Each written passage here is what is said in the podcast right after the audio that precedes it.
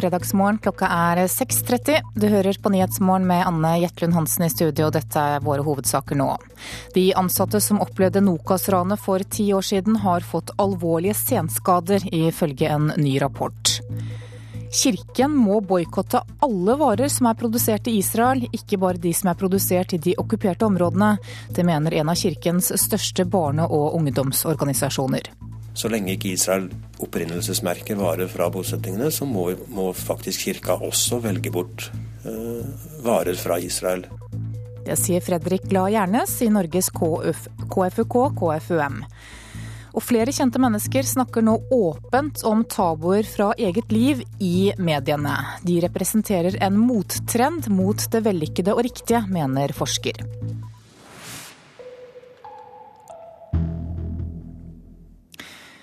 Finansforbundet velger i dag å offentliggjøre en rapport som for første gang tar for seg langtidsvirkningene for folk som har vært utsatt for sterke traumatiske opplevelser. I morgen er det ti år siden det brutale ranet av Norsk Kontantservice i Stavanger. Og advokaten til de ansatte, Pål Berens, sier rapporten viser at de ansatte i Nokas er overraskende hardt rammet av det de opplevde. Eh, det viser at eh, de ansatte har eh, omfattende psykiske senskader av et omfang vi ikke har vært oppmerksom på tidligere. Det har vært aldri før lagd en tilsvarende undersøkelse. Samtlige ansatte, bortsett fra én, har inngått i undersøkelsen. Aldri tidligere har man undersøkt langtidsvirkningene til folk så lang tid etter en traumatisk opplevelse som Nokas-ranet ble for de ansatte i tellesentralen. Dette vil være meget viktig i forhold til hvordan man skal behandle eh, personer som blir utsatt for den type traumer og alvorlige hendelser. Nedsatt hukommelse, nedsatt arbeidsglede og arbeidsevne, nedsatt glede over fritidsaktiviteter og sosial isolering. Dette er noen av de viktigste funnene i rapporten, sier Berens. Det preger også en del andre situasjoner, familiesituasjoner, jobbsituasjoner, slik at det, du kan si at den alminnelige livskvaliteten har blitt redusert som en følge av det, ranet, det alvorlige ranet de ble utsatt for. Reidun Føland var hovedtillitsvalgt for de Nokas-ansatte da ranet skjedde, og hun kjenner seg igjen. Jeg tenker på de ranene litt for ofte. Enkelte situasjoner i forhold til lyd, store menneskemengder, støy. Tror du noen gang kommer til å glemme det? Kommer aldri til å glemme ranet. Jeg tror ingen som var der den dagen, kommer til å glemme det. Reporter var Svein Jakob Mathisen.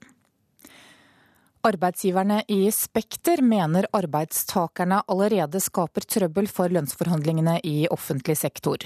Nesten alle de øverste tillitsvalgte i kommunene krever nemlig mye høyere lønnstillegg enn i industrien og frontfaget. Spekter-sjef Anne Kari Bratten sier at det er i strid med avtalen de inngikk før jul fordi de bare når frontfaget er en halvtime gammelt, går ut og sier at de må ha mer enn frontfaget. Det er mildt sagt oppsiktsvekkende når vi bare i desember var enige om at når frontfaget var ferdig og ramma var lagt, så skulle vi følge den lojalt opp i oppgjørene etterpå.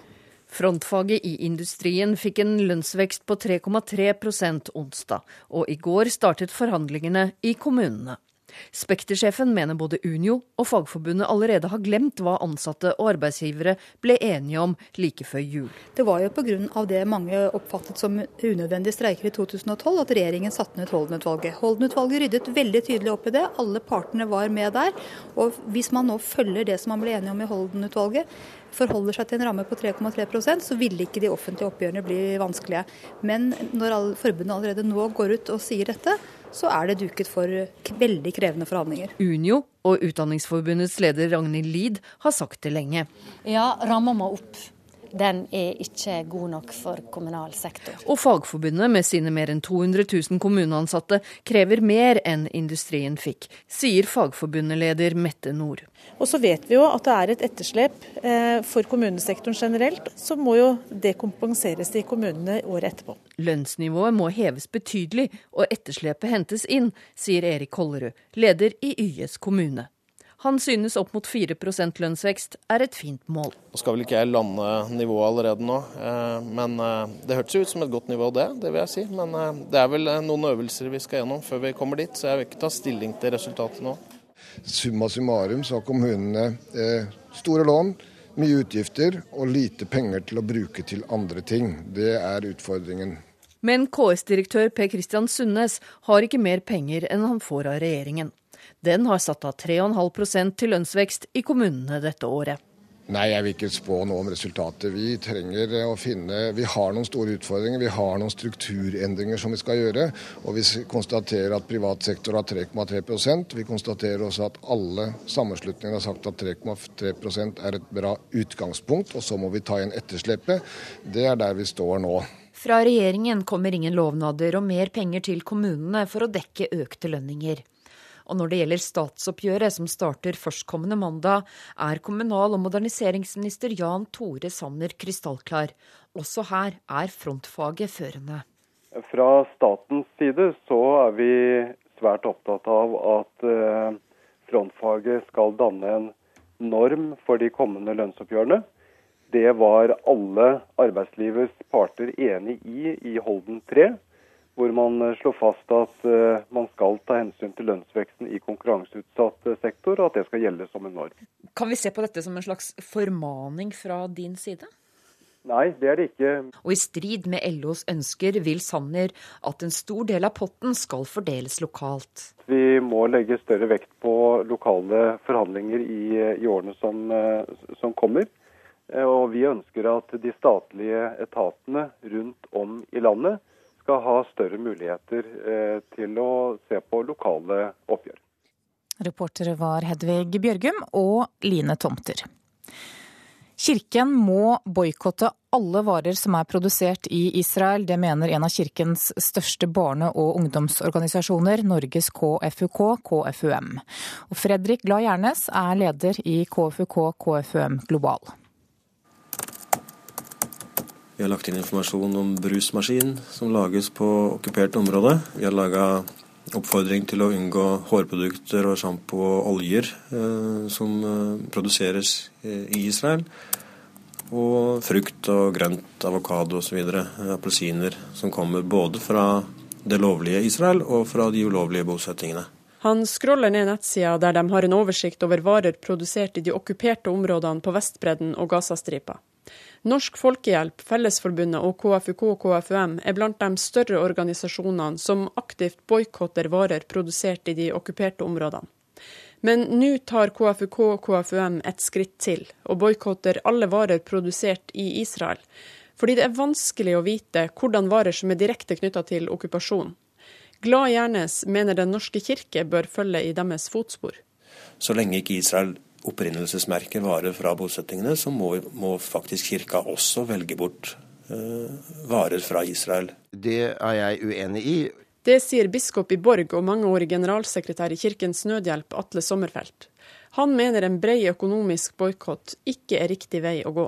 Vi må finne hvordan kan vi bidra til at israelere forstår at de må nå skape en forhandlingsløsning med Eh, palestinerne, og da tror jeg ikke løsningen er å isolere dem.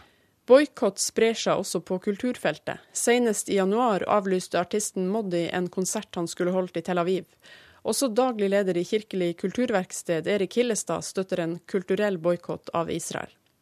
I dag har kirka vedtatt at de skal boikotte varer som kommer fra de okkuperte områdene, men Glad Gjernes er ikke fornøyd med kirka sin innsats. Så lenge de ikke gjennomfører den begrensa boikotten på en ordentlig måte, og så lenge de ikke legger press på Israel på en måte som, som føles slik at Israel eh, faktisk eh, avslutter okkupasjonen, så er ikke det tilstrekkelig, den norske kirke gjør i dag.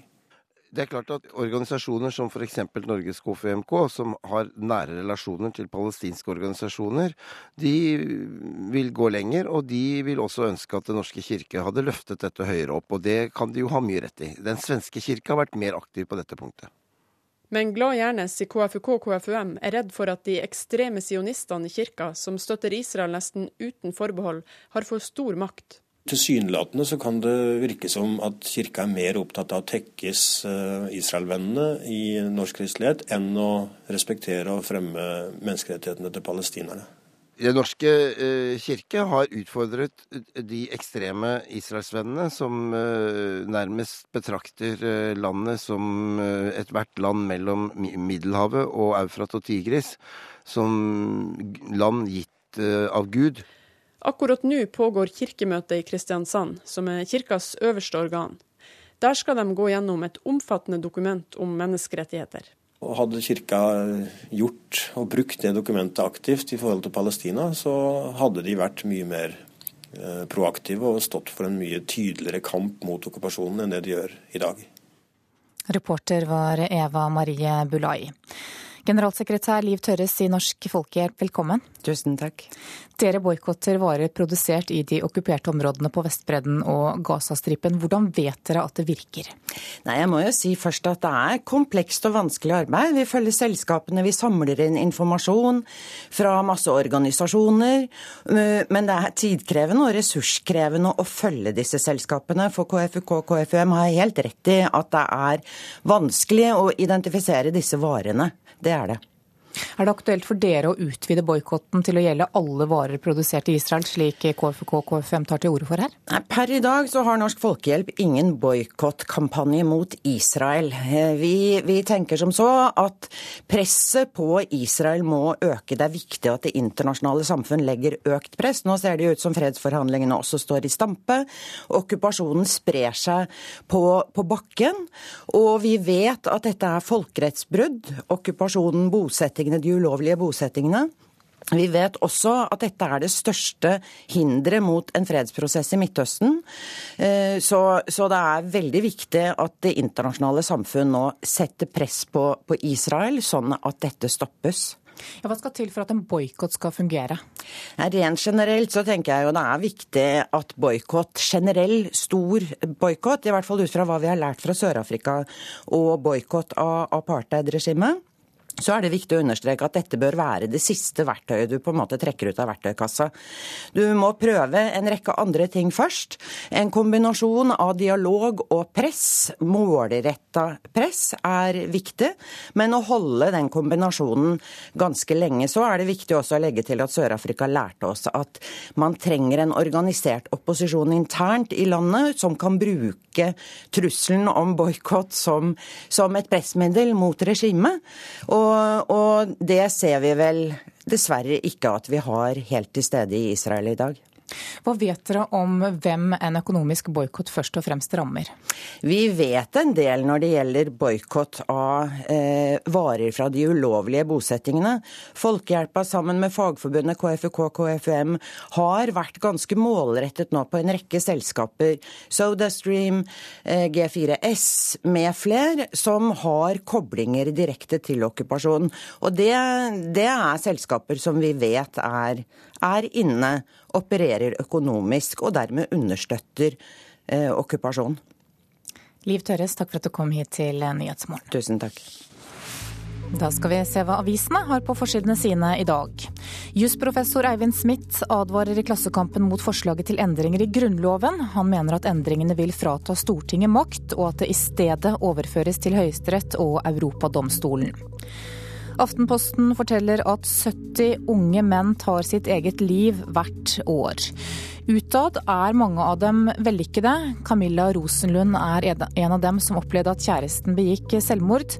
Han sa at han gledet seg til å få barn med henne, og dagen etter tok han livet sitt. Selvmord er også tema i Dagsavisen i dag. Kaja Solberg forteller hvordan, det, hvordan, hun opplevde tiden etter at moren tok sitt eget liv. Hun opplevde at det var få som ville snakke med henne om det som hadde skjedd, og opplevde at mange ikke visste hva de skulle si og gjøre. 500 mennesker tar livet av seg i Norge hvert år, og det er dobbelt så mange som dør i trafikken. Norsk skole er ute av kurs, det sier Ole Briseid, som tidligere var en sentral aktør i norsk skolepolitikk. Til Morgenbladet sier han at testveldet dikterer norsk utdanningspolitikk på en helt urimelig måte. Ordføreren i Nord-Fron ber regjeringen bevilge pengene som trengs for å fullføre utbyggingen av flomvernet i Kvam. Det skriver Nasjonen. Etter to ødeleggende flommer på to år frykter innbyggerne at pengemangel skal stanse byggingen av to demninger som kan hindre at nye flommer raserer bygda. Bergens Tidende forteller at staten støtter norsk spritproduksjon med 20 millioner kroner i året. Potetbøndene som dyrker råvarene får bare småpenger. Statsstøtten kan være ulovlig, mener jusekspert. Innvandrerbarn tar klassereisen lettere, skriver Vårt Land. En ny doktorgradsavhandling viser at innvandrerforeldre har holdninger som gjør at barna deres klatrer raskere på rangstigen. Kjøttøksdrama er overskriften i VG i dag.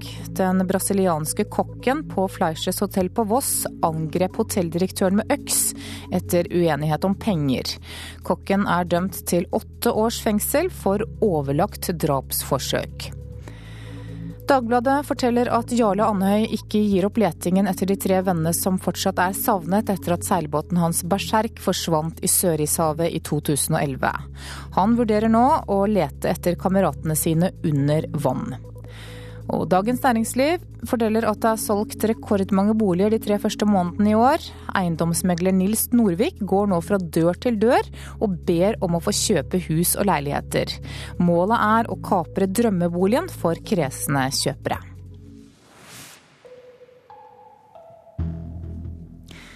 skal vi ha sport her i Nyhetsmorgen. At eh, skihopper Anders Bardal fortsetter neste sesong er ikke bare viktig for sportslige resultater. Markedssjef for hopplandslaget Arne Aabråten mener Bardals valg er avgjørende også i jakten på ny hovedsponsor. Vi eh, ser hvor viktig det er å ha profiler som blir eh, mye eksponert i media, og som gjør en god figur når de blir eksponert i media. Det henger direkte sammen med inntektene vi klarer å skaffe oss.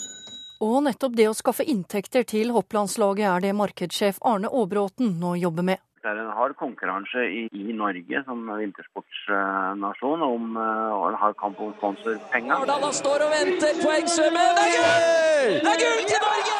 Å få med seg Anders Bardal også neste sesong var dermed avgjørende. Jakten på sponsorkroner er enklere, men Norges beste hopper de siste årene på laget vi trenger de resultatene som Anders har skapt, eh, både den vinteren her og ikke minst de to åra før. Så jeg håper at vi har eh, at Anders da har vist vei og starta på noe som både han sjøl og eventuelt de som tar over, kan, eh, kan følge opp. For da, da, gjør det oss mer attraktive i et, i et sponsormarked. Definitivt. Det er nok litt viktig kanskje sånn som nå, da, for nå har vi jo VG er jo ferdig som hovedsponsor. Bardal selv er bevisst på sin egen posisjon i laget. Han er glad valget hans om å satse, i hvert fall i en sesong til, kan hjelpe. Ikke bare resultatmessig i hoppbakken. Det er nok ikke noe bakdel da, kanskje, at jeg velger å fortsette. da. I og med at det har vært en litt uh, tung sesong. Reporter var Vibeke Unnhjem. Du hører på Nyhetsmorgen nå. Klokka er 6.48, og dette er hovedsakene våre.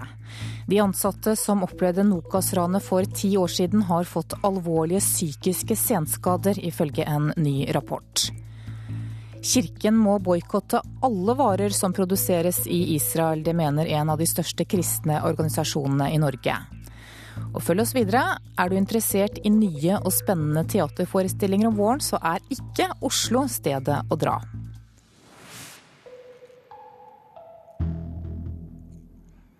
Foreldre risikerer å ødelegge jobbmulighetene for barna sine dersom de tar ungene med på ferie i skoletiden.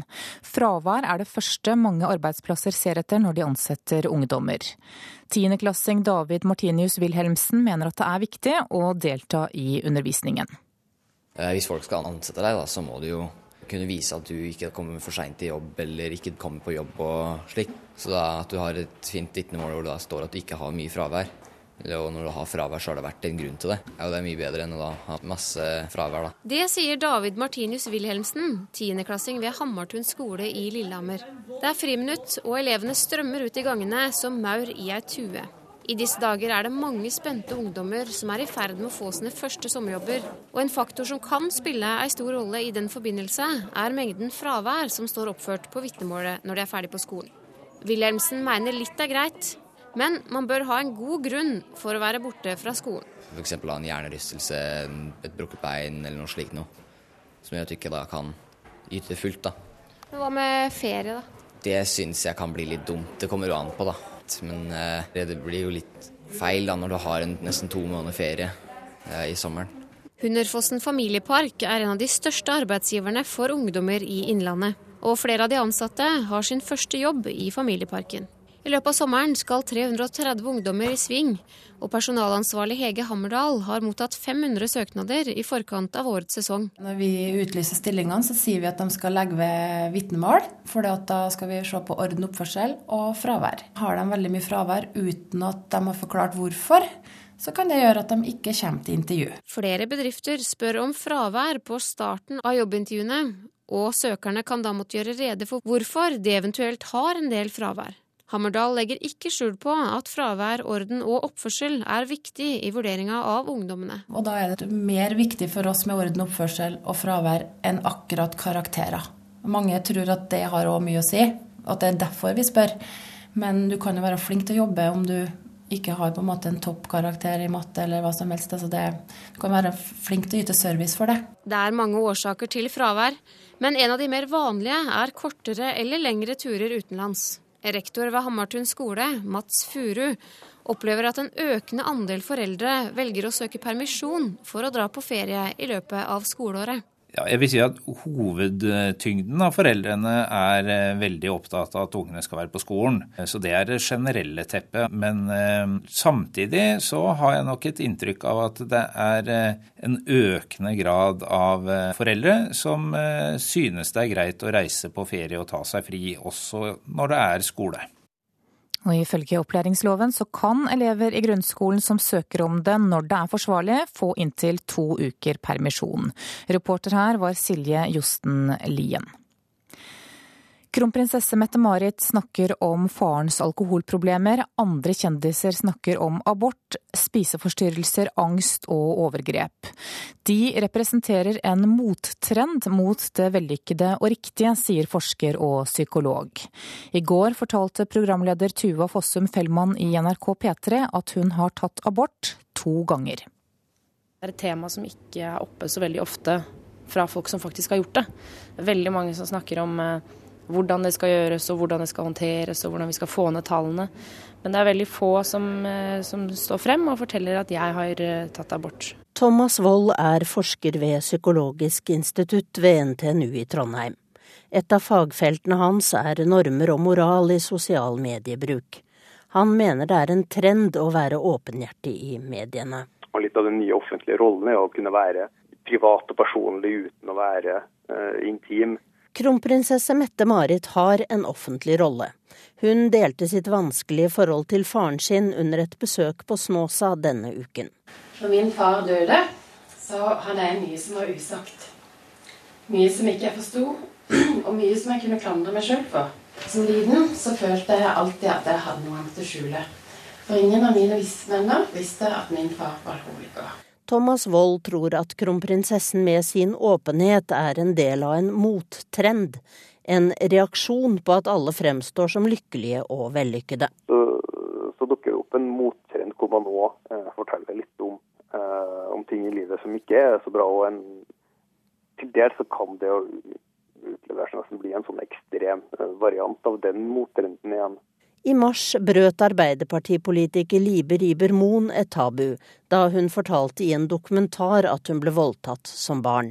Jeg følte at tiden var, eh, var inne. Jeg har en stemme eh, som eh, kan bli hørt, og den stemmen vil jeg bruke til noe viktig. Og dette her er kjempe, kjempeviktig. Forsker og psykolog Thomas Wold synes åpenheten er positiv, så lenge de som åpner seg er klar til å møte responsen som følger.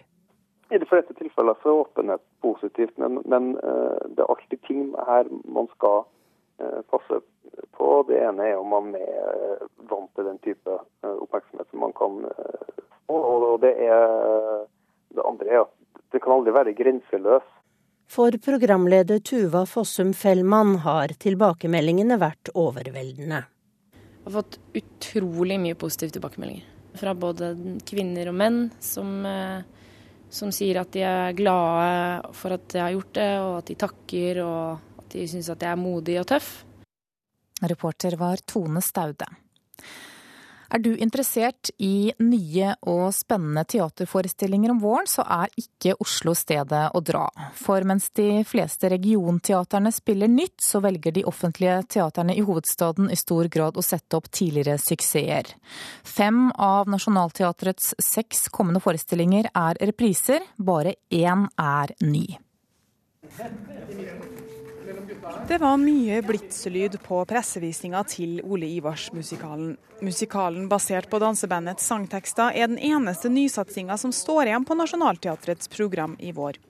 I tillegg skal fem andre forestillinger settes opp, men de er suksesser fra tidligere.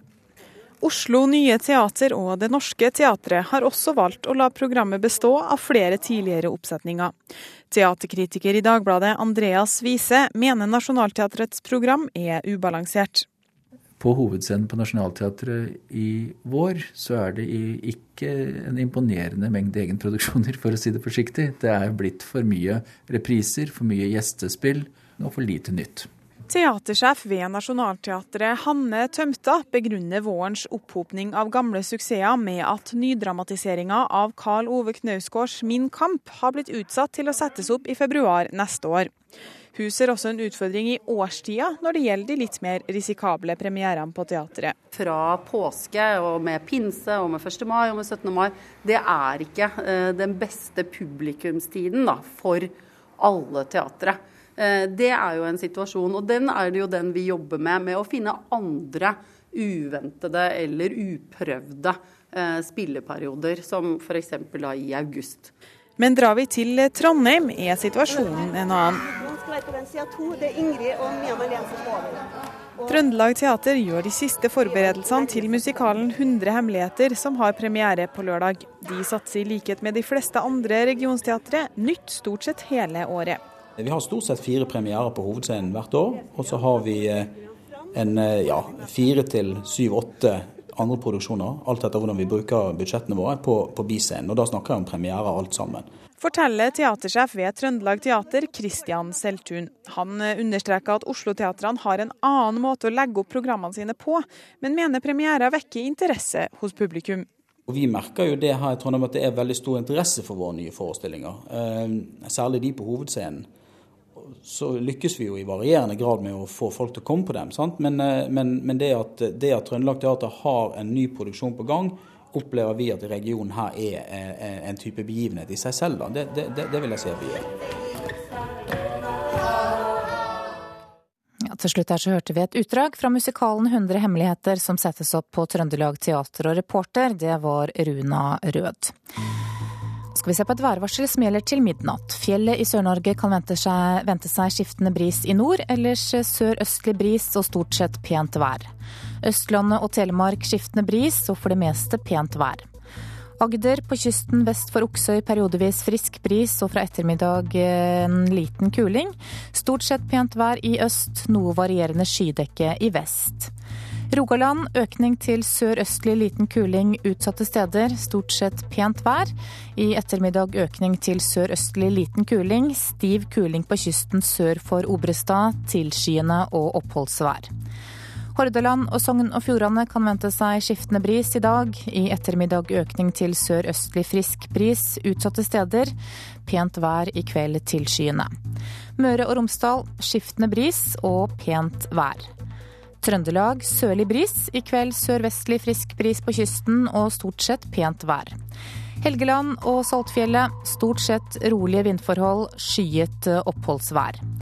Salten, Ofoten, Lofoten og Vesterålen må belage seg på en økning til sørvestlig liten kuling. Fra i formiddag stiv kuling nord for Bodø, i kveld dreiende vestlig.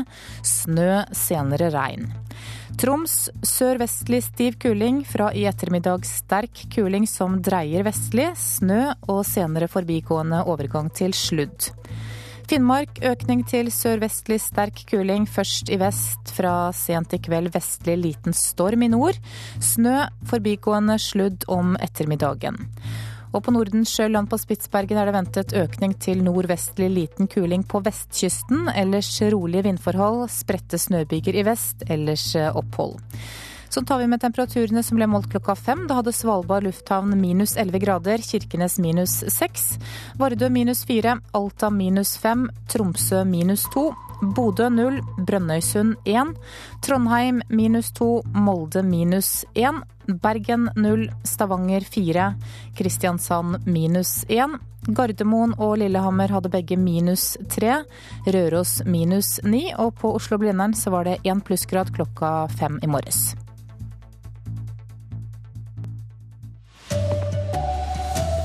«100 millioner kroner er på avveie etter ran. Politiet tror det er liten sjanse for å finne pengene igjen. Og israelske varer bør boikottes av kirken, mener kristen organisasjon. Her er NRK Dagsnytt klokken sju. Minst 100 millioner kroner er fremdeles på avveie etter ransbølgen på slutten av 90-tallet og begynnelsen av 2000-tallet.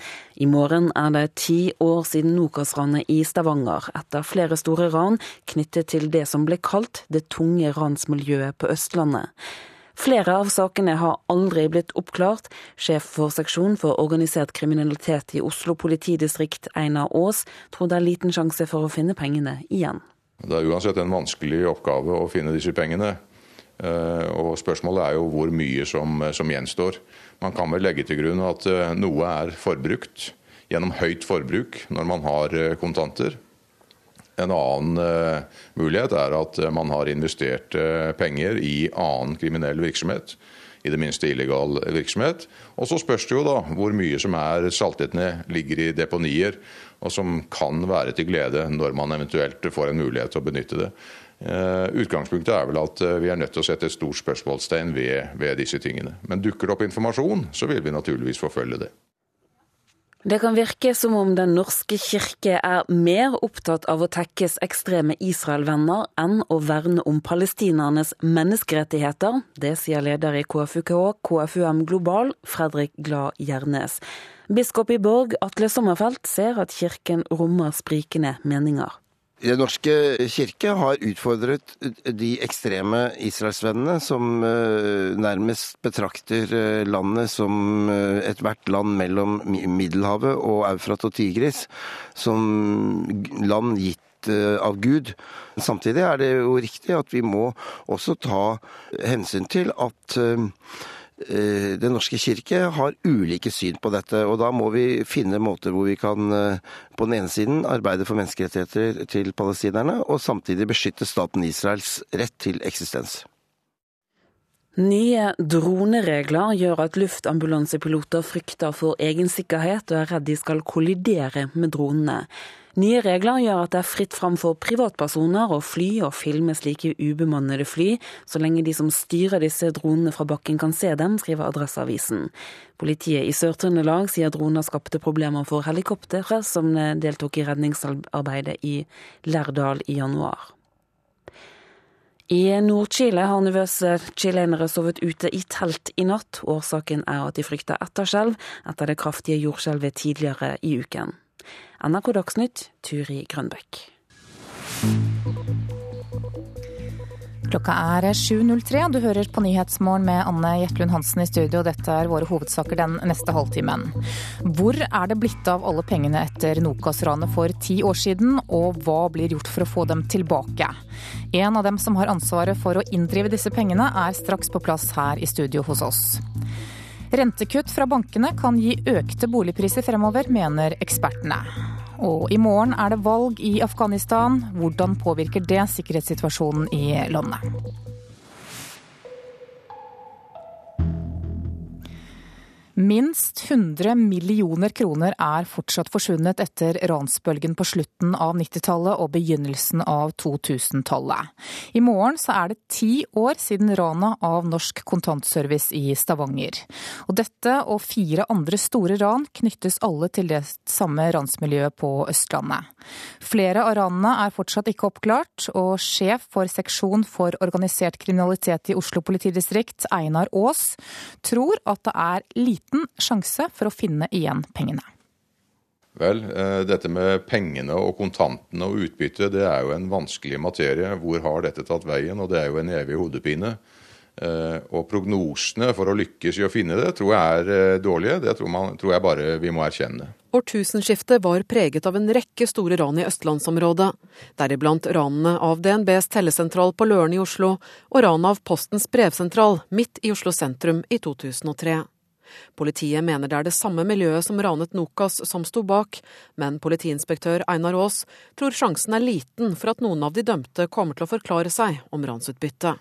Nei, jeg tror at eh, den er eh, lik null. Eh, og jeg tror også at i den grad man sitter på utbytte, så er man varsom å dele det med noen. Her slår det jo virkelig inn dette med at det mer enn én vet. Det er ingen hemmelighet. Snart kan de fleste av de 15 som ble dømt etter Nokas-ranet i Stavanger igjen være frie menn. David Toska, som ble dømt til 18 års fengsel, er den siste som kan begjære seg prøveløslatt i august 2016. Den tidligere politispaneren Jonny Brenna frykter likevel ikke at ransmiljøet vil utgjøre noen stor trussel når de kommer ut. Jeg tror at eh, de som kommer ut, de eh, vegrer seg for å gjøre noe tilsvarende eller begynne å, å rane igjen. Eh, for da forsvinner de inn i, i forvaringsdommer. Så jeg tror at de som kommer ut og tar fatt i ny kriminalitet, de, de begynner gjerne med narkotikavirksomhet. Og da, da, har vi sett det at det innenfor cannabis er, har vært utbredt i miljøet. Tidligere har det vært spekulert i om ransmiljøet har et eller flere hemmelige deponier i østlandsområdet, der store kontantbeløp skal være lagret. Men det er usikkert om det i det hele tatt er noe igjen av utbytte fra de store ranene, sier Einar Aas. Vi tror vel kanskje ikke det, eh, hvis man tenker seg et høyt forbruk og at pengene kan være brukt i, i andre sammenhenger. På den annen side sett så er det ikke umulig at det ligger eh, penger eh, deponert. Og det kan jo tenkes at dette er til glede for noen. Og reporter var Kristine Næss Larsen. Informasjonsdirektør Jon Berge i If Forsikring, velkommen. Takk for det. Det er dere som skal få inn pengene fra bl.a. Nokas-ranet. Hvordan går dere frem nå for å få tak i dem? Ja, det var 57 millioner kroner som ble tatt i Nokas-ranet. Av deg kan en si at 51 er på vidvanke. De har enten blitt brukt opp eller er gjemt bort en sted. Så har vi fått inn 15 millioner i et forlik med vekterselskapet, som der den ene vekteren var ansatt, som var deltakende i ranet. Så står det igjen 36 millioner, og det er de vi nå arbeider for å, å få inn. Og der prøver vi å få til en form for individuell avtale med hver og en av ranerne. Ja, På hvilken måte da? Ja, Det man har sagt er at alle er solidarisk ansvarlige for å betale hele summen, slik dommen sier. Og så har vi gått ut og bedt de sjøl si hvor mye de føler de kan betale hver måned. Vi vil ikke at én skal betale ett beløp og være ferdig, eller vi, vil heller ikke ha en sluttdato. Men alle skal få lov til å si at dette beløpet kan jeg betale, og med det så kan jeg skape meg et liv. Og Da betyr det at det bør ikke være til hinder for at jeg kan gå ut i vanlig arbeid. Gjelda skal ikke sette en stopper der. Hvorfor er det viktig? Nei, Vi vil at disse skal rehabiliteres i tråd med det arbeidet som sikkert har eh, vært i gang i fengselet i, i lang tid. Eh, og vi føler ikke at eh, vi skal stå i veien for videre rehabilitering. Og mange har jo sagt, og det ranerne har sett i intervjuer, at de ønsker å skape seg et liv og de vil ha en vanlig jobb, men de syns at gjelda er tung å bære. Men det skal ikke være noe argument når vi sier at de kan betale ganske lite hver måned for å eh, komme seg videre. Er de med på det? Ja, Noen har allerede sagt at de vil være med på det. Og flere sier at dette er en del av det som var straffen, og den må jeg ta. Men så er det andre igjen som ikke vil gå i dialog med oss om det. Så får vi se etter hvert hvordan dette blir. Men dette er jo helt i startfasen nå. Eh, og de næreste par åra vil vel vise litt mer om utviklingen. Men du, i hvilken grad gjør dere egne undersøkelser for å finne disse ranspengene som er på avveie? Nei, Vi gjør ingen egne undersøkelser rundt det. Dette lar vi politiet gjøre. Men hver gang vi snakker i media om det, som gjør relativt ofte, så kommer det tips inn til oss også. Og det spiller vi videre til politiet. Og det er stor interesse rundt dette. Det var et spektakulært ran, for å si det slik. Og jeg tror det kommer til å sitte i historien hos oss lenge. Ja, hva slags tips er det dere får? Nei, Jeg kan ikke gå, gå inn på det, men vi får se. Eh, politiet får, får håndtere deg. Hva gjør dere med de pengene som dere får inn?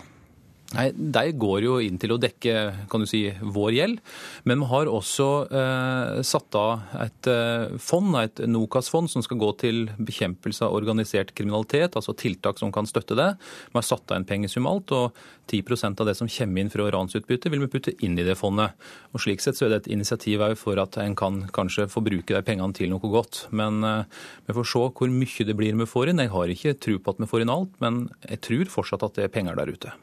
Takk skal du ha, Jon Berge, informasjonsdirektør i If Forsikring. Stadig flere banker kutter i boliglånsrenta, og sist ut nå så er DNB og Skandiabanken. Rentekuttene kan også løfte boligprisene fremover, det tror ekspertene. Bankene ser nå at de har bra inntjening, og da begynner bankene å bli mer interessert i å vinne markedsandeler igjen. Sier Erik Bruse, sjefanalytiker i Nordea Markets. NRK meldte allerede i midten av mars at kutt i boliglånsrenta var på trappene i flere banker. Og nå står bankene fram. Her er Leif Kjartan Bjørsvik, kommunikasjonssjef i Skandiabanken. Vi kutter renta i boliglån, og det gjør vi for samtlige av våre kunder. Også Storebrand Bank og flere banker i Sparebank1-gruppen akter å senke sine boliglånsrenter.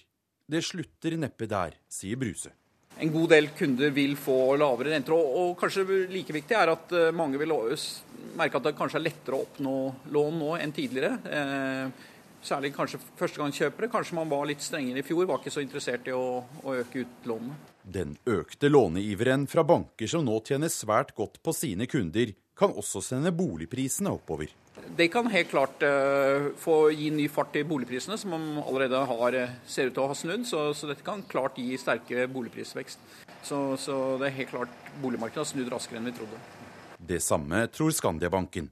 Det virker jo som det er en optimisme i boligmarkedet igjen. Og om uh, folk da ønsker å låne penger for å kjøpe seg en ny bolig, så uh, skal det ikke stå på oss.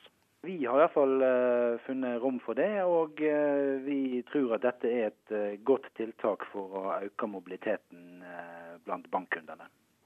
Reporter her, det var Sindre Heierdal. 182 personer tar sluttpakke i Telenor Norge. Det ble kunngjort bare for få minutter siden. I tillegg så går 100 eh, personer av med senioravtale. Dessuten så reduseres konsulentbruken med over 200 årsverk, og i mars så ble det kjent at teleselskapet skal redusere tallet på ansatte med 450 årsverk i løpet av eh, året. Administrerende direktør i Telenor Norge, Berit Svendsen, velkommen. Takk for det. Betyr det nå at nedbemanningsmålet på 450 er oppnådd? Med det resultatet som nå foreligger, så ser vi at vi har oppnådd det vi ønsket eh, med denne prosessen. Ja. Hvem er det som tar sluttpakker? Det er veldig mange forskjellige. Det er eh, noen som har lyst til å realisere en ny karrierevei. Det er andre som har lyst til å realisere en drøm.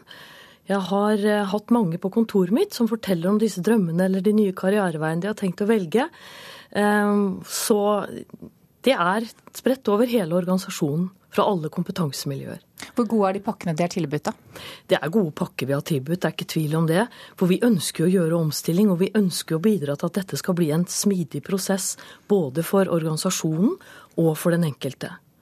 Målet har jo vært å spare 500 millioner kroner på nedbemanninger. Kan det bli aktuelt med flere runder nå fremover? Sånn som vi ser det nå, så skal ikke vi gjøre flere nedbemanninger nå.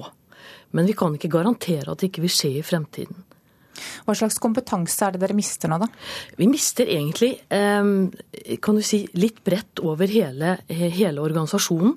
Og det vi nå ser, er at vi, vi mangler eh, Vi har gått gjennom alle enhetene nå og ser at vi mangler kompetanse tilsvarende 34 stillinger, spesielt på internettsiden, på IT-siden, litt på markedssiden, som vi kommer til å lyse ut i organisasjonen. Og hvis ikke vi får napp der, så vil vi gå ut og hente den kompetansen eksternt. Det var altså 266 ansatte hos dere som søkte frivillig sluttpakke. Hvorfor sa dere nei til mange?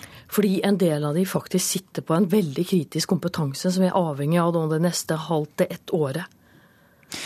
Hvilke nye tiltak vil dere gjøre da for å møte konkurransen fremover? Ja, det vi kommer til å gjøre nå, det er at vi kommer til å gå gjennom hele fastnettsiden vår, som er den delen av, eh, av forretningen som eh, har de eldste teknologiene og vi har vært lengst i markedet. Og Der har vi teknologier fra 1970-tallet. Nå er vi i ferd med å velge en partner som skal hjelpe oss å gjøre den omstillingen og få bedre prosesser, få enklere håndtering av kundene eh, i kundeservice, og gå gjennom og få skifta ut noen av de gamle teknologiene vi har i nettet. Berit Svendsen, takk for at du kom til Nyhetsmorgen. Takk for det. Nå er klokka 7.15. Du hører på Nyhetsmorgen altså, og dette er hovedsaker i dag. Minst 100 millioner kroner er fortsatt forsvunnet etter ransbølgen på slutten av 90-tallet og begynnelsen av 2000-tallet. Stadig flere banker kutter i boliglånsrenta. Det kan løfte boligprisene fremover, tror eksperter. Og afghanere på landsbygda frykter mest for sikkerheten på valgdagen i morgen, mens i byene så er de mer optimister.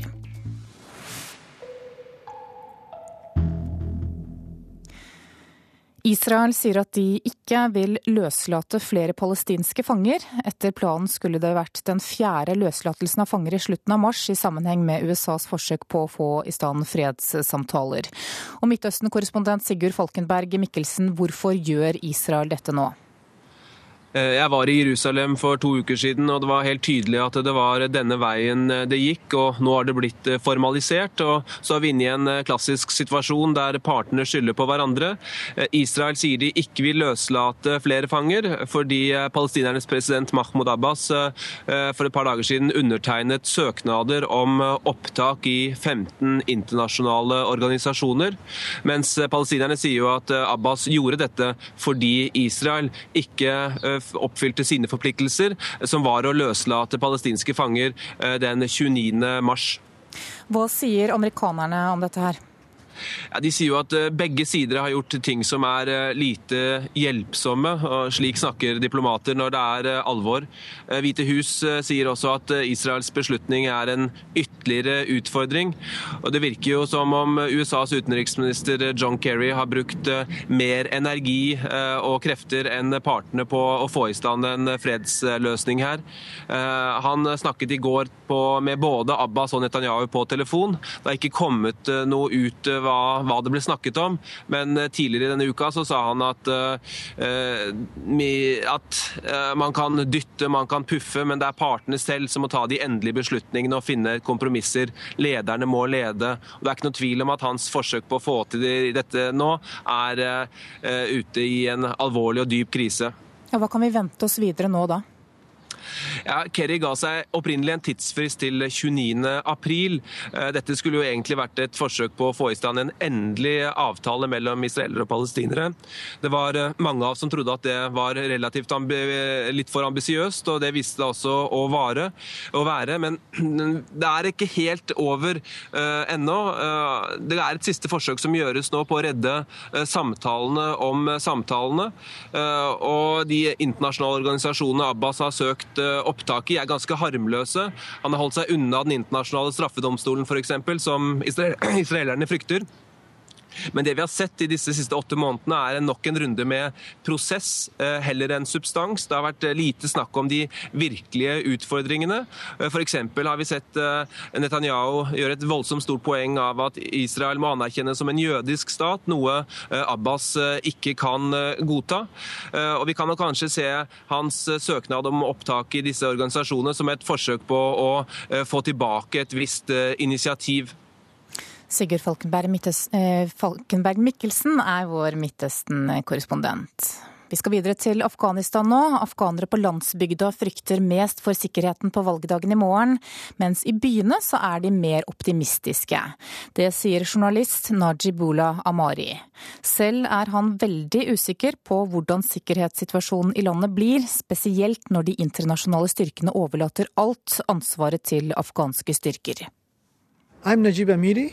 Radio Salamatandar is the biggest independent radio network in Afghanistan. Najibullah Amiri jobber for radiostasjonen Salam Watandar i Kabul. Den eneste radiostasjonen som dekker hele landet. Jeg treffer Amiri på Natos hovedkvarter i Brussel. Han kaller valget i morgen historisk. That, uh,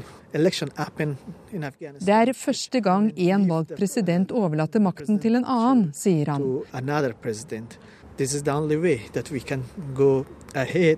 Likevel er han splittet i synet på fremtiden. For hva skjer når de internasjonale styrkene har trukket seg ut? Uh,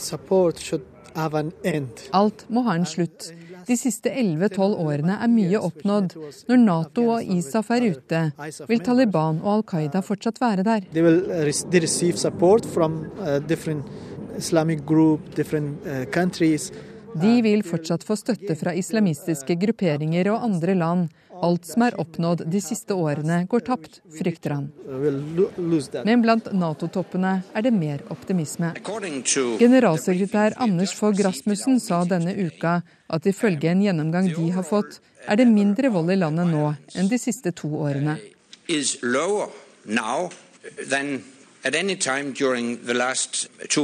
Han mener sikkerhetsstyrkene har vist at de kan jobben sin. De har sørget for at over 500 politiske møter trygt kunne gjennomføres. Uh, uh, Fortsatt venter de internasjonale styrkene på svar om de kan fortsette opplæringen av sikkerhetsstyrkene etter nyttår. Ingen tviler på det, men den nåværende presidenten har nektet å skrive under avtalen. Actually, uh... Det er ingen annen løsning. Ved å underskrive avtalen får vi støtte. Vi trenger det, for vi står foran store utfordringer, sier Amiri. Men presidentvalget tror han ikke blir så rettferdig som alle snakker om. The election will be better than our previous election, but it will not be free or fair for our... Valget vil bli bedre gjennomført enn sist, men provinsregjeringene vil tvinge folk til å stemme på bestemte kandidater. Opprørere vil true og ødelegge, og sikkerheten blir en utfordring, sier Najibullah Amiri. Det sa vår europakorrespondent Åse Marit Befring. Helge Lurås, grunnlegger og leder av Senter for internasjonal og strategisk analyse, velkommen. Takk. Dere har et prosjekt i Afghanistan, og du har selv vært der flere ganger. Hvordan vurderer du sikkerhetssituasjonen i Afghanistan i øyeblikket? Nei, altså den, eh, den, den, er jo vanskelig. Det har jo vært en god del anslag også i de store byene, inkludert uh, i Kabul, i løpet av de siste ukene og månedene. Og, og ute på landsbygda så er det stort sett veibomber og, og små anslag fra Taliban som er uh, trusselen. Men dette er jo en situasjon som afghanerne har levd med nå i mange år, og, og det nærmest har blitt en normaltilstand. Så sånn sett så har det vel ikke blitt så veldig mye verre i løpet av den siste tiden enn det har vært før.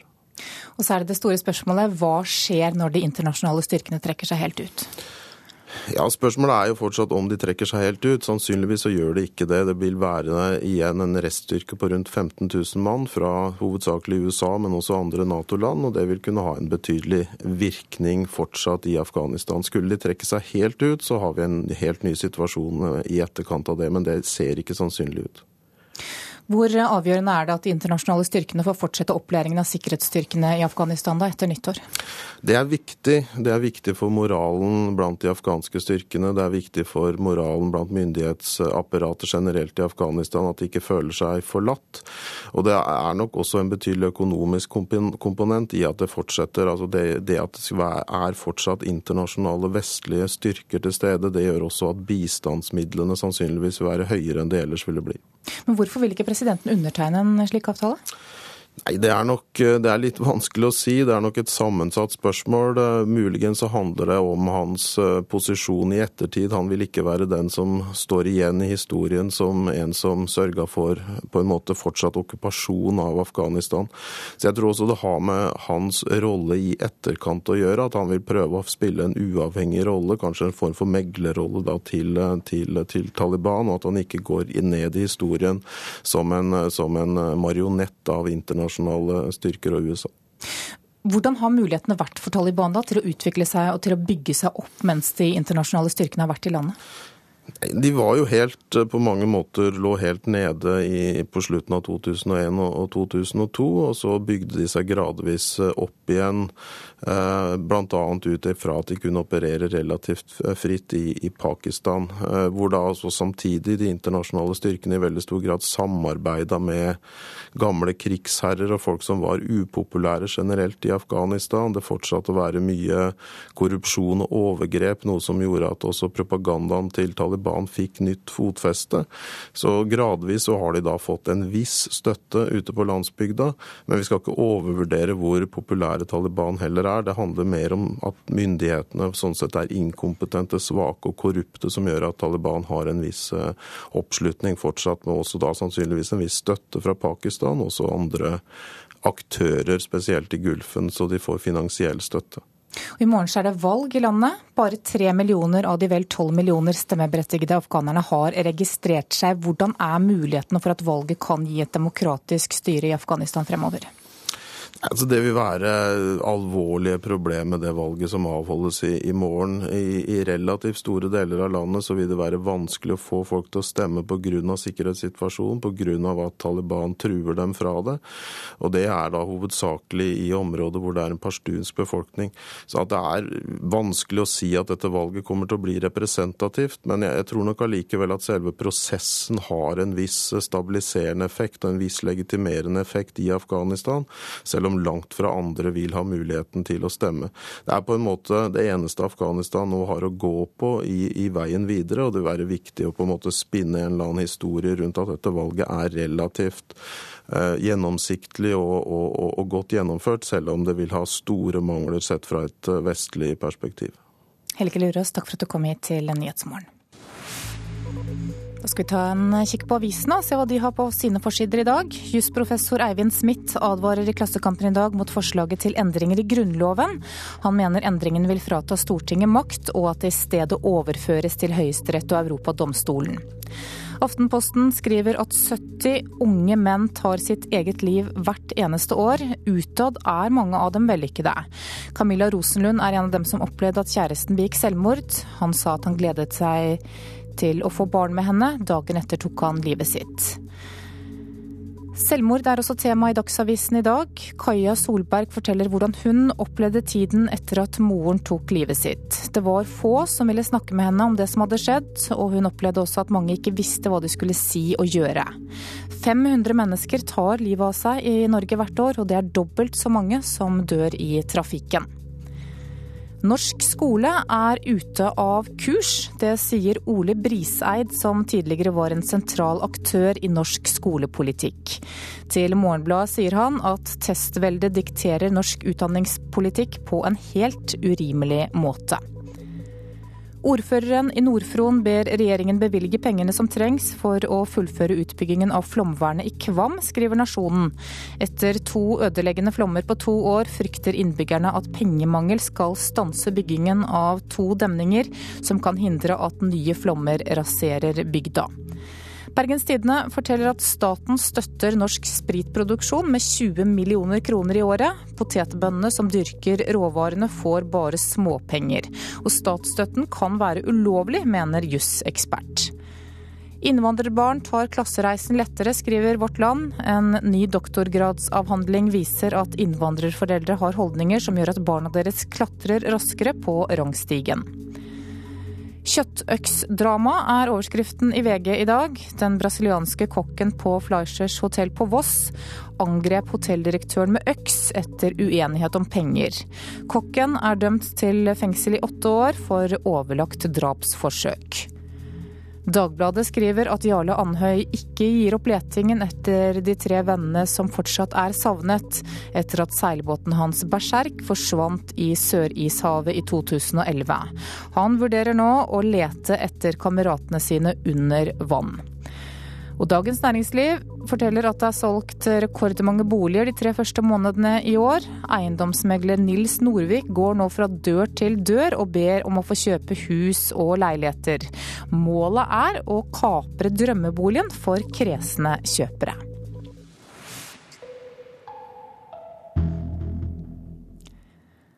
Allmennlærerstudenter føler seg ikke godt nok rustet til å møte elevenes behov i skolen. Flere mener at det kan være behov for å styrke den spesialpedagogiske undervisningen i utdanningen, og en av dem er lærerstudent Linn Tove Berdal i Sogndal. Lærerutdanningen den ruster oss til å møte en normalklasse, altså en A4-elev som ikke har noen sånn særlige behov eller diagnoser, syndrom. Så dette er jo noe som kanskje lærer utdanningen må ta konsekvensen av. Om noen måneder skal hun møtes i første skoleklasse alene. Etter å ha fordypa seg i spesialpedagogikk, føler hun seg likevel bedre budd. F.eks. bare da å skrive en IOP, altså en individuell opplæringsplan. Hvordan skal jeg gjøre det når jeg ikke har lært det på den ordinære lærerutdanningen? Nå får vi jo litt input på det på spesialpedagogisk utdanning. Men uten den så hadde vi jo stått helt på null. NRK fortalte tidligere at da Berdal og fem andre studenter så nærere på 800 ungdomsskoleelever, fant de 184 ulike utfordringer som disse elevene sleit med. Førstelektor Kirsten Flaten mener studentene må bli bedre utrusta til å møte alle disse elevene. Hver eneste lærer kommer til å få utfordringer på det. Det handler om å ha tiltak og vite litt hva en skal gjøre. For ingenting er mer handlingslammende enn å mangle kunnskap om noe eller ikke vite hva du skal gjøre med det. Lærerstudenter skal gjennom utdanninga bli kjente med de mest vanlige vanskene elevene har. Det sier professor i pedagogikk Peder Haug. Han mener det likevel må gjøres mer. Da er vi framme ved det som er akilleshælen på dette området, og det er at det er for få lærere med spesialpedagogisk kompetanse som har ansvaret for de elevene som skal ha spesialundervisning. Reporter her, det var Eva Marie Felde. Klokka nærmer seg 7.30 og Dagsnytt i Politisk kvarter. Om 15 minutter så skal vi til direkte til Venstres landsmøte. Produsent for Nyhetsmorgen i dag er Kari Bekken Larsen, og her i studio Anne Jetlund Hansen.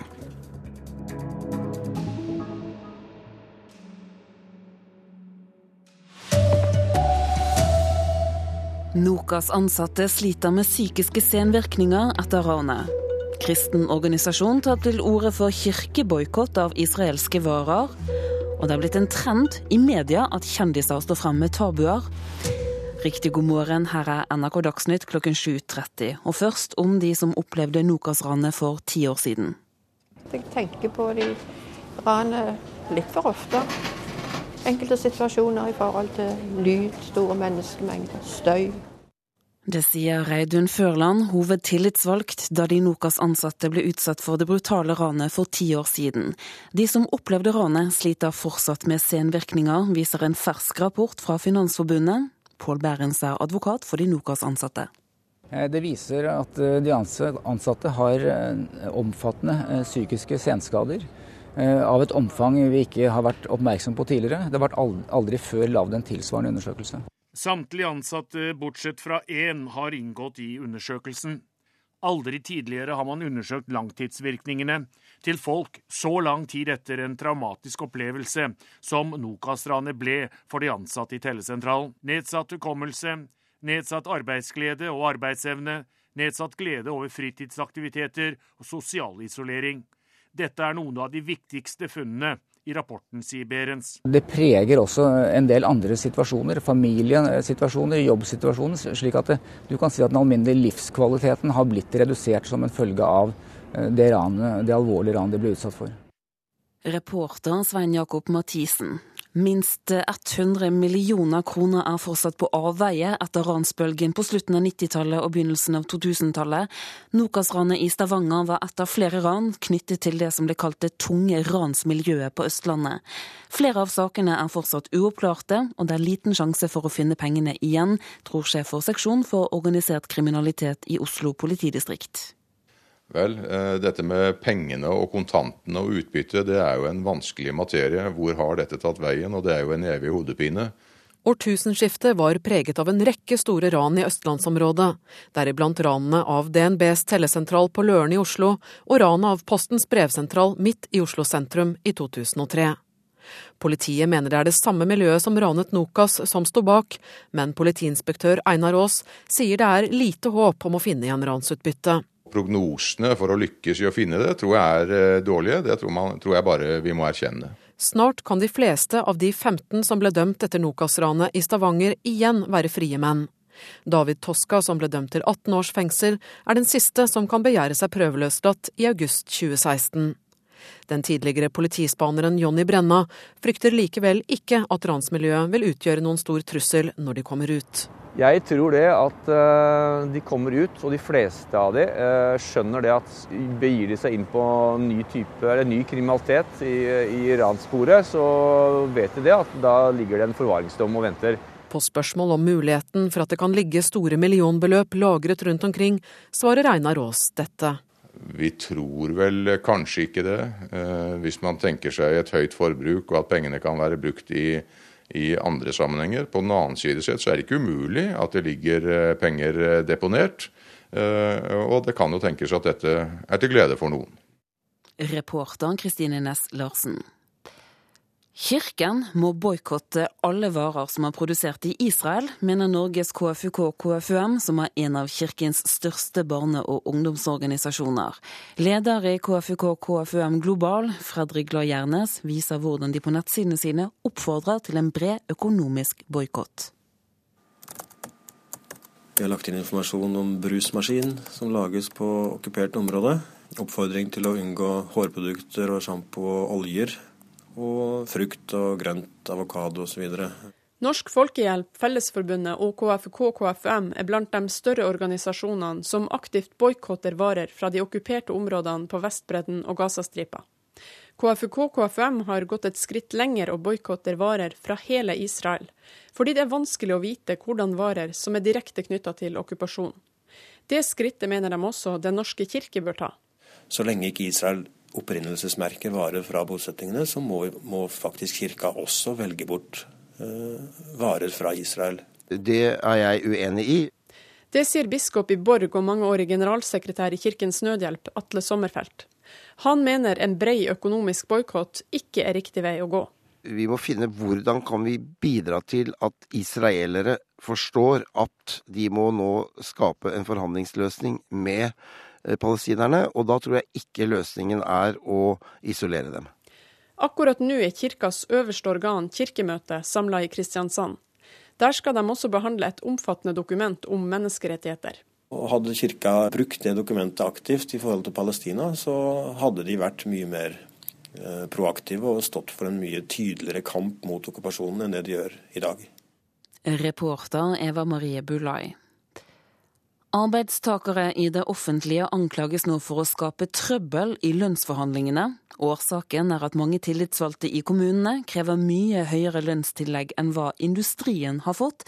Arbeidsgiverne i Spekter sier det er i strid med avtalen de inngikk før jul. Jeg mener at det er eh, flere forbundsledere i offentlig sektor som nå jazzer opp stemningen ved å mene at man skal ha mer i årets lønnsoppgjør enn den eh, troverdige rammen som LO og NHO har gitt på 3,3% Frontfaget i industrien fikk en lønnsvekst på 3,3% onsdag, og i går startet forhandlingene i kommunene. Spektersjefen mener både Unio og Fagforbundet allerede har glemt hva ansatte og arbeidsgivere ble enige om like før jul. Alle partene og myndighetene satt sammen i Holden-utvalget og ble enige om at når LO og NHO hadde etablert en ansvarlig ramme, så skulle den følges lojalt opp i de etterfølgende oppgjørene. At eh, Unios leder og en del andre forbund i offentlig sektor allerede når frontfaget var en halvtime gammelt, eh, begynner å jazze opp stemningen og mener man skal ha eh, mer. Det er illojalt i forhold til det vi var enige om i Holden-utvalget i desember. Unio og Utdanningsforbundets leder Ragnhild Lid har sagt det lenge. Ja, ramma må opp den er ikke god nok for kommunal sektor. Men KS-direktør Per Kristian Sundnes har ikke mer penger enn han får av regjeringen. Den har satt av 3,5% til lønnsvekst i kommunene dette året. Og det sa reporter Hedvig Bjørgum. De siste dagene har flere banker kuttet boliglånsrenten, og det kan løfte boligprisene fremover, tror sjefsanalytiker Erik Bruse i Nordea Markets. Det kan helt klart uh, få gi ny fart i boligprisene, som allerede har, eh, ser ut til å ha snudd. Så, så, dette kan klart gi sterke boligprisvekst. Det samme tror Skandiabanken. Det virker jo som det er en optimisme i boligmarkedet igjen. Og om uh, folk da ønsker å låne penger for å kjøpe seg en ny bolig, så uh, skal det ikke stå på oss. Sa kommunikasjonssjef i Skandiabanken Leif Kjartan Bjørsvik til reporter Sindre Heierdal. Kronprinsesse Mette-Marit snakker om farens alkoholproblemer. Andre kjendiser snakker offentlig om angst og overgrep. Dette er en mottrend mot det vellykkede, tror forsker. I går sto Tuva Fossum Fellmann fra P3 frem og fortalte at hun har tatt abort to ganger. Det er et tema som ikke er oppe så veldig ofte fra folk som faktisk har gjort det. Veldig mange som snakker om eh, hvordan det skal gjøres og hvordan det skal håndteres og hvordan vi skal få ned tallene. Men det er veldig få som, eh, som står frem og forteller at jeg har eh, tatt abort. Thomas Wold er forsker ved Psykologisk institutt ved NTNU i Trondheim. Han mener det er en trend å være åpenhjertig i mediene. Så, så dukker det opp en mottrend hvor man nå eh, forteller litt om, eh, om, ting i livet som ikke er så bra. og en, Til dels så kan det å utlevere som nesten bli en sånn ekstrem eh, variant av den mottrenden igjen. Reporteren Tone Staude. Skøytepresident Rune Gerhardsen lover at Norge aldri skal utebli fra en 10 000 meter i OL igjen. Han er lei for at Norge droppet paradedistansen i Sotsji. Jeg syns det var veldig trist at Norge ikke deltok på paradedistansen vår. Skøytepresidenten er enig med de som sier at dette kan sammenlignes med at Norge dropper å gå femmila på langrenn i Kollen. Ja, det ser jeg godt. Det ser jeg veldig godt. Og Derfor så tror jeg det var siste gang at det der skjer. Jarle Pedersen, som trener et kriseramma norsk skøytelag, prioriterte lagtempo framfor 10 000 meter i OL. Han ser ikke like svart på saka som Gerhardsen. Nei, jeg vil ikke si det. Og jeg vil også si at lagtempo har fått et uh, ufortjent uh, stempel blant de kritikerne.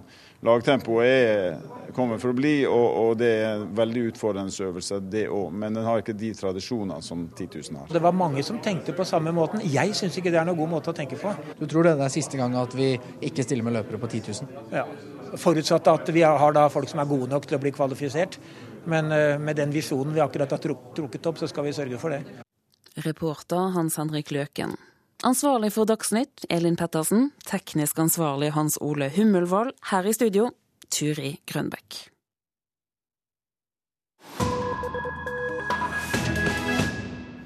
Klokka er 7.40, eh, og her i Nyhetsmorgen skal det handle om valget i Afghanistan, som altså er i morgen.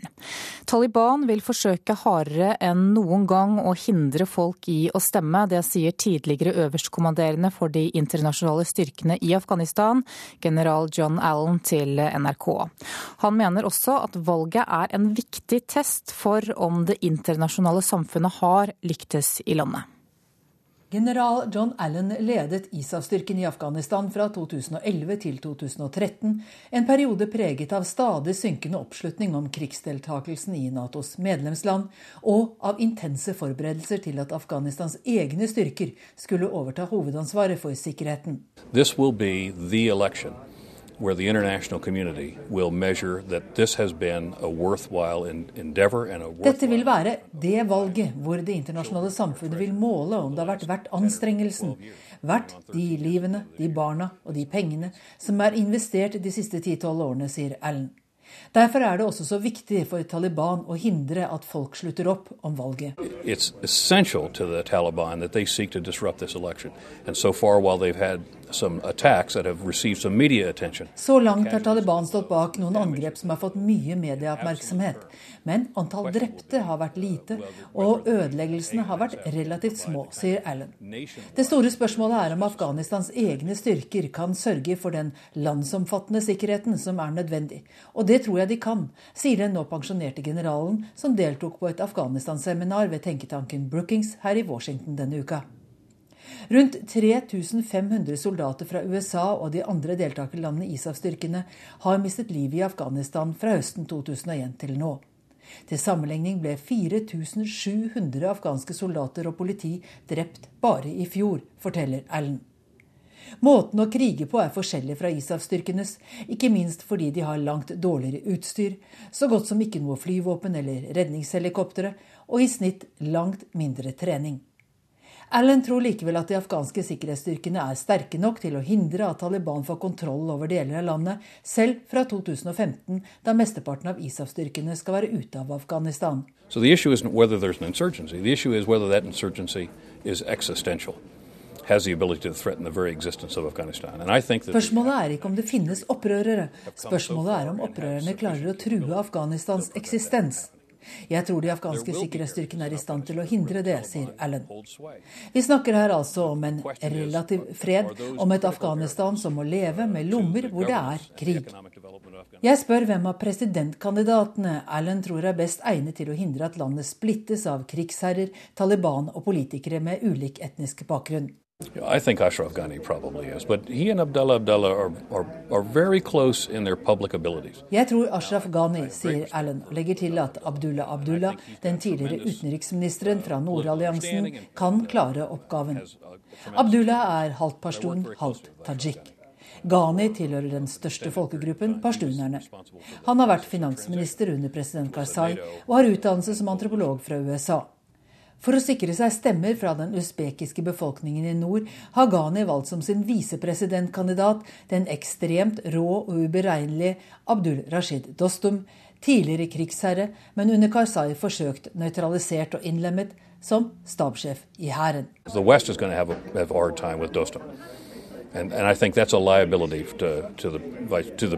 Vesten vil få problemer med Dostum. Og det kommer til å bli en belastning for Ghani, mener ISAFs tidligere øverstkommanderende. Men uten Dostum har Ghani ingen sjanse til å bli blant de to som går videre fra første valgomgang i morgen. Og det var vår USA-korrespondent Gro Holm som hadde snakket med general John Allen. Om et lite minutt så får du Politisk kvarter her i Nyhetsmorgen, som i dag sendes direkte fra Venstres landsmøte på Fornebu. Men aller først så minner jeg om hovedsakene våre. 100 millioner kroner er på avveie etter Nokas-ranet og flere andre store ran. Politiet tror det er liten sjanse for å finne pengene igjen. Rentekutt fra bankene kan gi økte boligpriser fremover, det mener flere eksperter.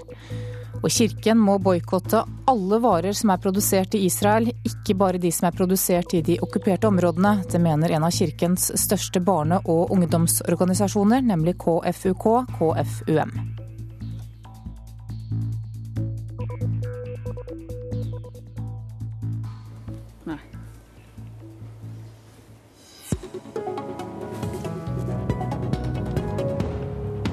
Rollen som støtteparti har ikke gitt Venstre flere velgere. Kanskje Trine Skei Grande vil be om plass i regjeringen for å få økt innflytelse. Velkommen til Politisk kvarter, som i dag sendes direkte fra Venstres landsmøte på Fornebu. God morgen, jeg heter Per Arne Bjerke.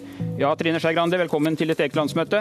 Jo, takk for det. Gjennomsnittet av meningsmålingene for de siste, den siste måneden tyder på at Venstre ikke har fått en eneste ny velger etter at dere bidro til at landet fikk en ny regjering. Hvorfor tror du ikke at velgerne takker dere for regjeringsskiftet?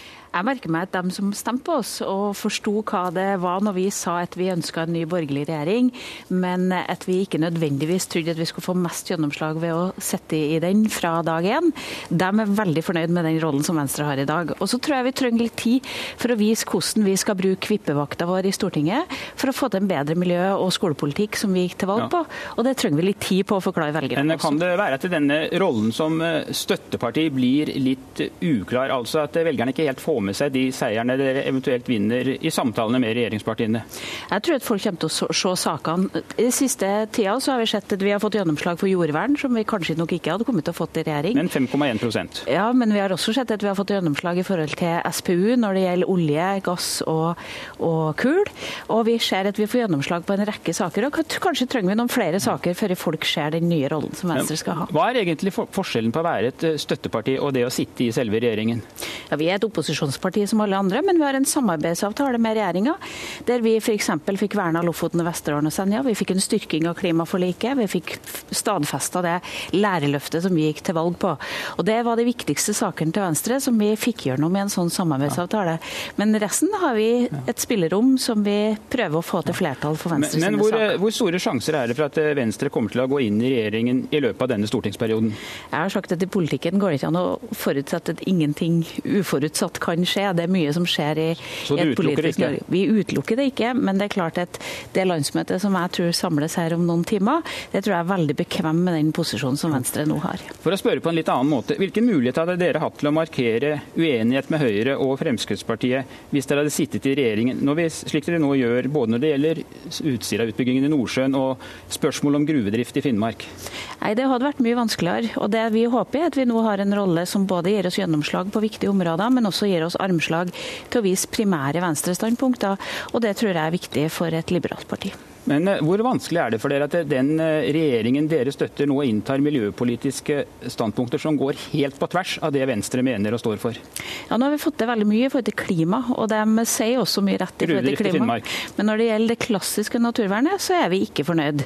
Da er vi verken fornøyd med scooterforslagene eller vi er når det gjelder gruvedumping. og Det kommer vi til å kjempe Strøm til imot. Utsira er en annen stor sak. Ja, og det mener jo jeg at vi skal klare å finne gode løsninger på. Og det tror jeg vi har gode argumenter, både teknologisk og miljømessig, og også økonomisk, som vi skal klare å legge i Men tror du at du skal klare å tvinge Høyre og Fremskrittspartiet i kne? Da? For det er jo det du må tro, siden du mener at dette skal løse seg. Jeg mener ikke at jeg skal tvinge folk i kne, det er ikke mitt mål. Mitt mål er å få gjennom de viktige venstresakene. Og jeg tror at eh, veldig ofte så vil de se at det er stor nytte også for dem at Venstre får noen viktige miljø- og klimaseiere. Vi som har fulgt eh, Venstres eh, landsmøte i mange år, vi husker jo hvordan motstanden mot Fremskrittspartiet har vært eh, svært stor her inne i landsmøtesalen, senest i fjor. Hvordan vil du beskrive Venstres forhold til Fremskrittspartiet i dag? Vi gikk til valg og sa at vi regna det som lite sannsynlig at vi kunne sitte i regjering sammen, og vi enda med en forhandling at vi ikke kunne sitte i regjering sammen. Eh, men vi har et godt samarbeid på mange enkeltsaker. Og jeg må si at jeg har et eh, mye nærmere tillitsforhold til Siv Jensen nå enn, enn før vi begynte på de forhandlingene. Og vi ser at vi får til ting sammen. Så for Venstre er det saker som bestemmer posisjon. Det er saker som bestemmer vår holdning til andre partier. Og nå ser vi at vi faktisk også får til mange viktige Men, saker. Men da lurer jeg på, er det du eller Siv Jensen som har endret seg? Nei, Jeg skal ikke påstå at noen har endra seg. Jeg skal bare ha fokus på de sakene vi ønsker å få gjennom. Og jeg er kjempeglad for at vi også har fått gjennom viktige klima- og miljøsaker sammen med Frp. Men når vi forhandla klimaforliket i Stortinget, så fikk vi jo noen forhåndssignaler om at dette kunne vi faktisk klare å få til. Da var det viktig for de rød-grønne å dytte Frp ut. For meg er det viktigste ikke å dytte partier ut, men å faktisk få gjennomslag for de viktige venstresakene.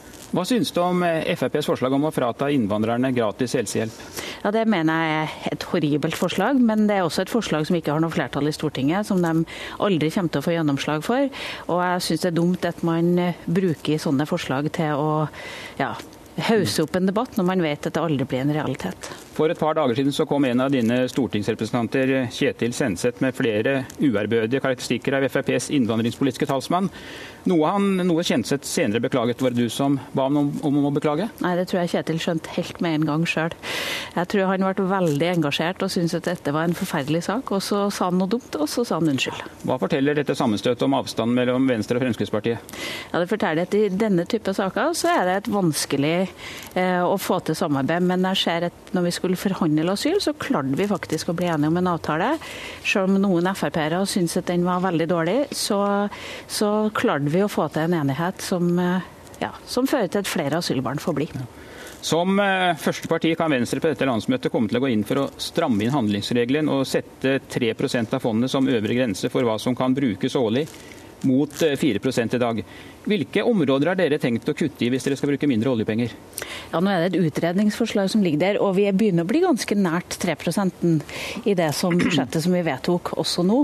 Det som er viktig for Venstre, er at vi har et langsiktig, et generasjonsperspektiv i måten vi forvalter penger på. Og Da er det sånn at da må vi både se på hvordan vi rigger staten vår for å gjøre det, men også sørge for at vi ikke bruker opp pengene til barnebarna våre. Ja, men hvordan, Hvor skal dere kutte for noe? Dere må jo bli mindre utgifter hvis det blir mindre inntekter? Ja, nå er det sånn at det vi er, da, som sagt ganske nært den 3% også i dag.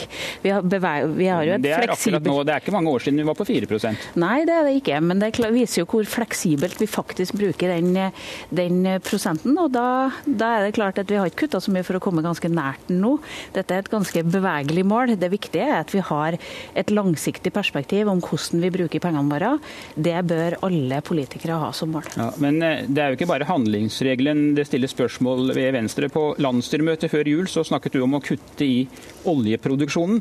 Og da er mitt spørsmål nok en gang, hvordan i all verden skal dere klare å finansiere kostbare løfter som f.eks. en gigantisk jernbaneutbygging? når dere, skal, når dere skal få mindre oljeinntekter?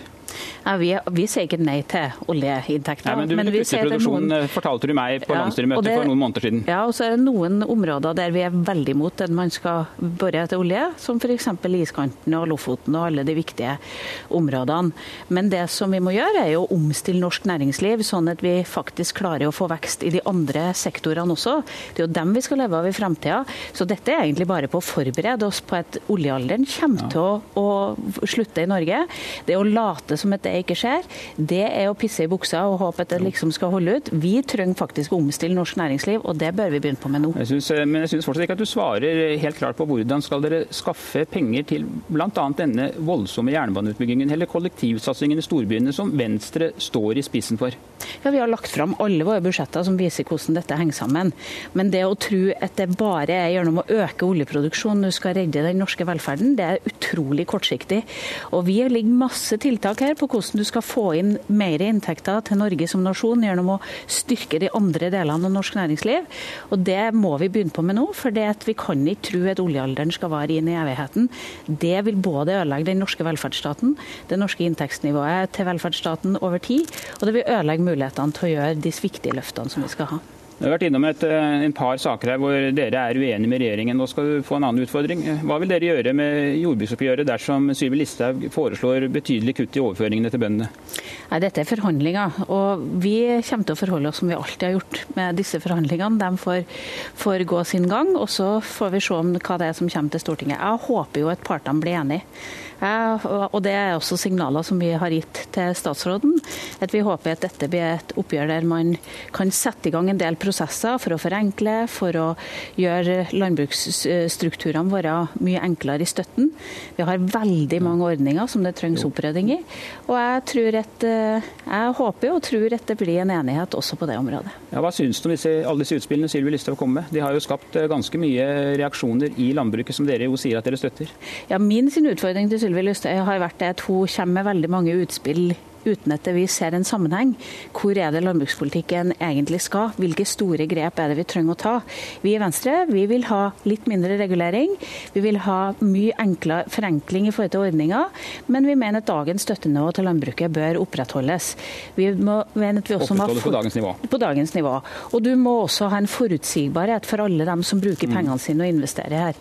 Så det kommer vi til å kjempe for. Vi kommer til å ha også store prosesser i Venstre der vi nå diskuterer hvilke hvilken praktisk landbrukspolitikk vi skal gå på, og vi kommer til å forhandle med regjeringa. Du sier at du håper at eh, partene blir enige, men så viser jo erfaringen fra mange år at eh, de ikke blir enige, og så kommer oppgjøret til Stortinget. og Da er mitt spørsmål, vil Venstre da bidra til flertall for regjeringens opplegg, eller kan dere komme til å stemme ned forslagene fra regjeringen? Nei, Vårt sitt utgangspunkt at vi kommer til å gjøre det som Venstre har gjort i alle de gangene et landbruksoppgjør har vært, nemlig at vi har stemt for det siste fremlagte tilbudet. Det har vi en tradisjon for, det har vi gjort under alle typer regjeringer. Eh, og jeg håper jo at eh, vi skal holde de prinsippene som vi har holdt helt fram til nå. Så Hvis det siste tilbudet fra staten oppfattes som svært eh, dårlig av bøndene, så vil dere likevel stemme for dette tilbudet? Ja, vi, å, vi, har sagt at vi kommer til å holde det prinsippet om at det, det er sånn du ikke undergraver forhandlingsinstituttet. Og det er en viktig del av forhandlingsinstituttet, at du faktisk holder deg til spillereglene. Foreløpig takk, Trine Skei Grande. Vi skal eh, over til ungdommen, hvis vi kan få lederen i Unge Venstre, Tord Hustveit, fram til bordet her. Valgt til leder i Unge Venstre for et halvt år siden. Hvor fornøyd er du med det Venstre har oppnådd som støtteparti for regjeringen? Jeg syns vi har fått til mye bra. Særlig stolt av det vi fikk til med oljefondet. Hvor vi greide å få en, en utredning for å se på uttrekk av både olje, kull og gass. Det tror jeg er viktig at vi kan gjøre oljefondet til et grønt, grønt forbilde for andre fond i andre land. Ja, hvor fornøyd er du med innvandringspolitikken, da? Eh, jeg syns norsk innvandringspolitikk er streng. Det var den under den rød-grønne regjeringa. Det er den fortsatt. Men jeg syns vi har fått til at det har blitt litt bedre for asylbarn. Så har vi fått litt strengere på andre områder, og sum i sum omtrent like strengt som før. Synes du at vi har et eh, passe nivå på innvandringen i dag, eller bør vi slippe inn flere? Jeg syns ikke det viktigste tallet i innvandringspolitikk er hvor mange som kommer inn, men at de som trenger hjelp, får hjelp hvis de må ha det. Og det syns jeg må være bæresteinen i norsk innvandringspolitikk. Men Betyr det at du vil ha inn flere, eller betyr det at vi skal ha det nivået vi har i dag? Det betyr at hvis det er behov for folk å komme til Norge, så skal de få lov til å komme til Norge hvis de trenger det. Mm. Klima er en viktig sak også for dere i Unge Venstre. Hvor langt vil du gå i påbud for å begrense f.eks. biltrafikken? Jeg syns det er viktig at det alltid lønner seg å velge miljøvennlig. Og jeg håper Venstre i neste statsbudsjett går inn for å øke bensinavgiften. Så håper jeg vi tør å ta et skikkelig oppgjør med oljeindustrien og senke utviklingstempoet på norsk sokkel, sånn at, blir, sånn at vi får et skifte i norsk økonomi fra en oljeøkonomi til en grønn økonomi. Hvor mye høyere bensinpris syns du at vi bør ha? Jeg syns vi bør ha betydelig høyere bensinpris, men så bør det bli billigere å kjøpe grønne, billige, grønne, grønne biler, sånn at du får et skifte, sånn at færre kjører bensinbil og flere kjører elbil og hydrogenbil. Å spørre partilederen din, Syns du at vi skal ha en betydelig høyere bensinpris? Ja, Vi har alltid hatt en litt høyere bensinpris, men det interessante viser er at det bare med små påslag vil du få ganske store eh, virkninger i et skifte til annen type teknologi. Og Jeg har jo vært med så lenge i Venstre at jeg husker på når folk flirer av oss når vi snakker om biler på strøm og biler på gass og biler på hydrogen. Eh, det er ikke så veldig lenge siden. Når eh, vi satt i regjering sist, så fikk vi hele den pakken med tiltak i forhold til elbil. Da sa folk at det var helt uvesentlig. Nå ser vi virkningene av det som Toril Skogsholm gjorde. Så det tar litt tid å få til disse skiftene. Og det er ikke sånn at du skal ha store påslag på bensinen før du ser virkninger i forhold til at folk velger andre løsninger. Og jeg tror ikke på forbud og, og, lovregulering, men jeg tror veldig på å bruke markedsmekanismen. Men høyere bensinpris er ikke noe du får regjeringen med på, det vet du jo. Ja, Vi fikk jo økt dieselavgifta. Altså, vi fikk jo økt... Som Frp har angret på som en hund etterpå. Ja, men de var faktisk med på det. Og vi merker oss at vi fikk til et høyere skifte fra røde og grønne skatter med denne regjeringa enn hva Stoltenberg var i nærheten av å få til de åtte årene han satt. Eh, vanligvis er jo ungdomsorganisasjonene litt i opposisjon til eh, moderpartiet Tord Hustveit, men det virker jo nå som om dere er ganske samstemte. Men hva er du mest misfornøyd med når det gjelder eh, Trine Skei Grande? For å være ærlig. Det var et uh, vanskelig spørsmål. Det klarer jeg ikke å svare på på strak arm nå. altså. Betyr det at dere er helt enige? Vi er ikke enige i alt. Vi ønsker jo et enda raskere reduksjon i utvinningstempo på norsk sokkel. Vi ønsker at Norge skal bli en fornybarnasjon enda raskere enn det Venstre gjør. Eh, så ønsker vi å ta tak i de store utfordringene med velferdsstaten. Eh, og vi føler at Venstre går i riktig retning, men det går ikke fullt så langt som det vi vil. Men det håper vi å flytte litt på landsmøtet i år. Eh, Unge Venstre er jo kjent for å være en svært liberalistisk organisasjon, Trine Skei Grande, og kanskje er det blitt litt mer liberalistiske også de siste årene. Hvor redd er du for at Unge Venstre skal trekke dere for langt i liberalistisk retning? Jeg har vel aldri oppfattet Unge Venstre som liberalistisk, men veldig klare og klassisk liberale. Og jeg oppfatter vel dem som veldig opptatt av dette generasjonsperspektivet og langsiktigheten i, velferd, i ordningene i velferdsstaten. Og, og, det, og, det, er en ungdomsorganisasjons plikt, mener jeg, å mase på oss gamliser om ja. akkurat det. Og Der må jeg si takk til deg, Trine Skei Grande og Tord Hustveit, og lykke til med landsmøtet begge to. Og dette var Politisk kvarter. Hør flere podkaster på nrk.no podkast.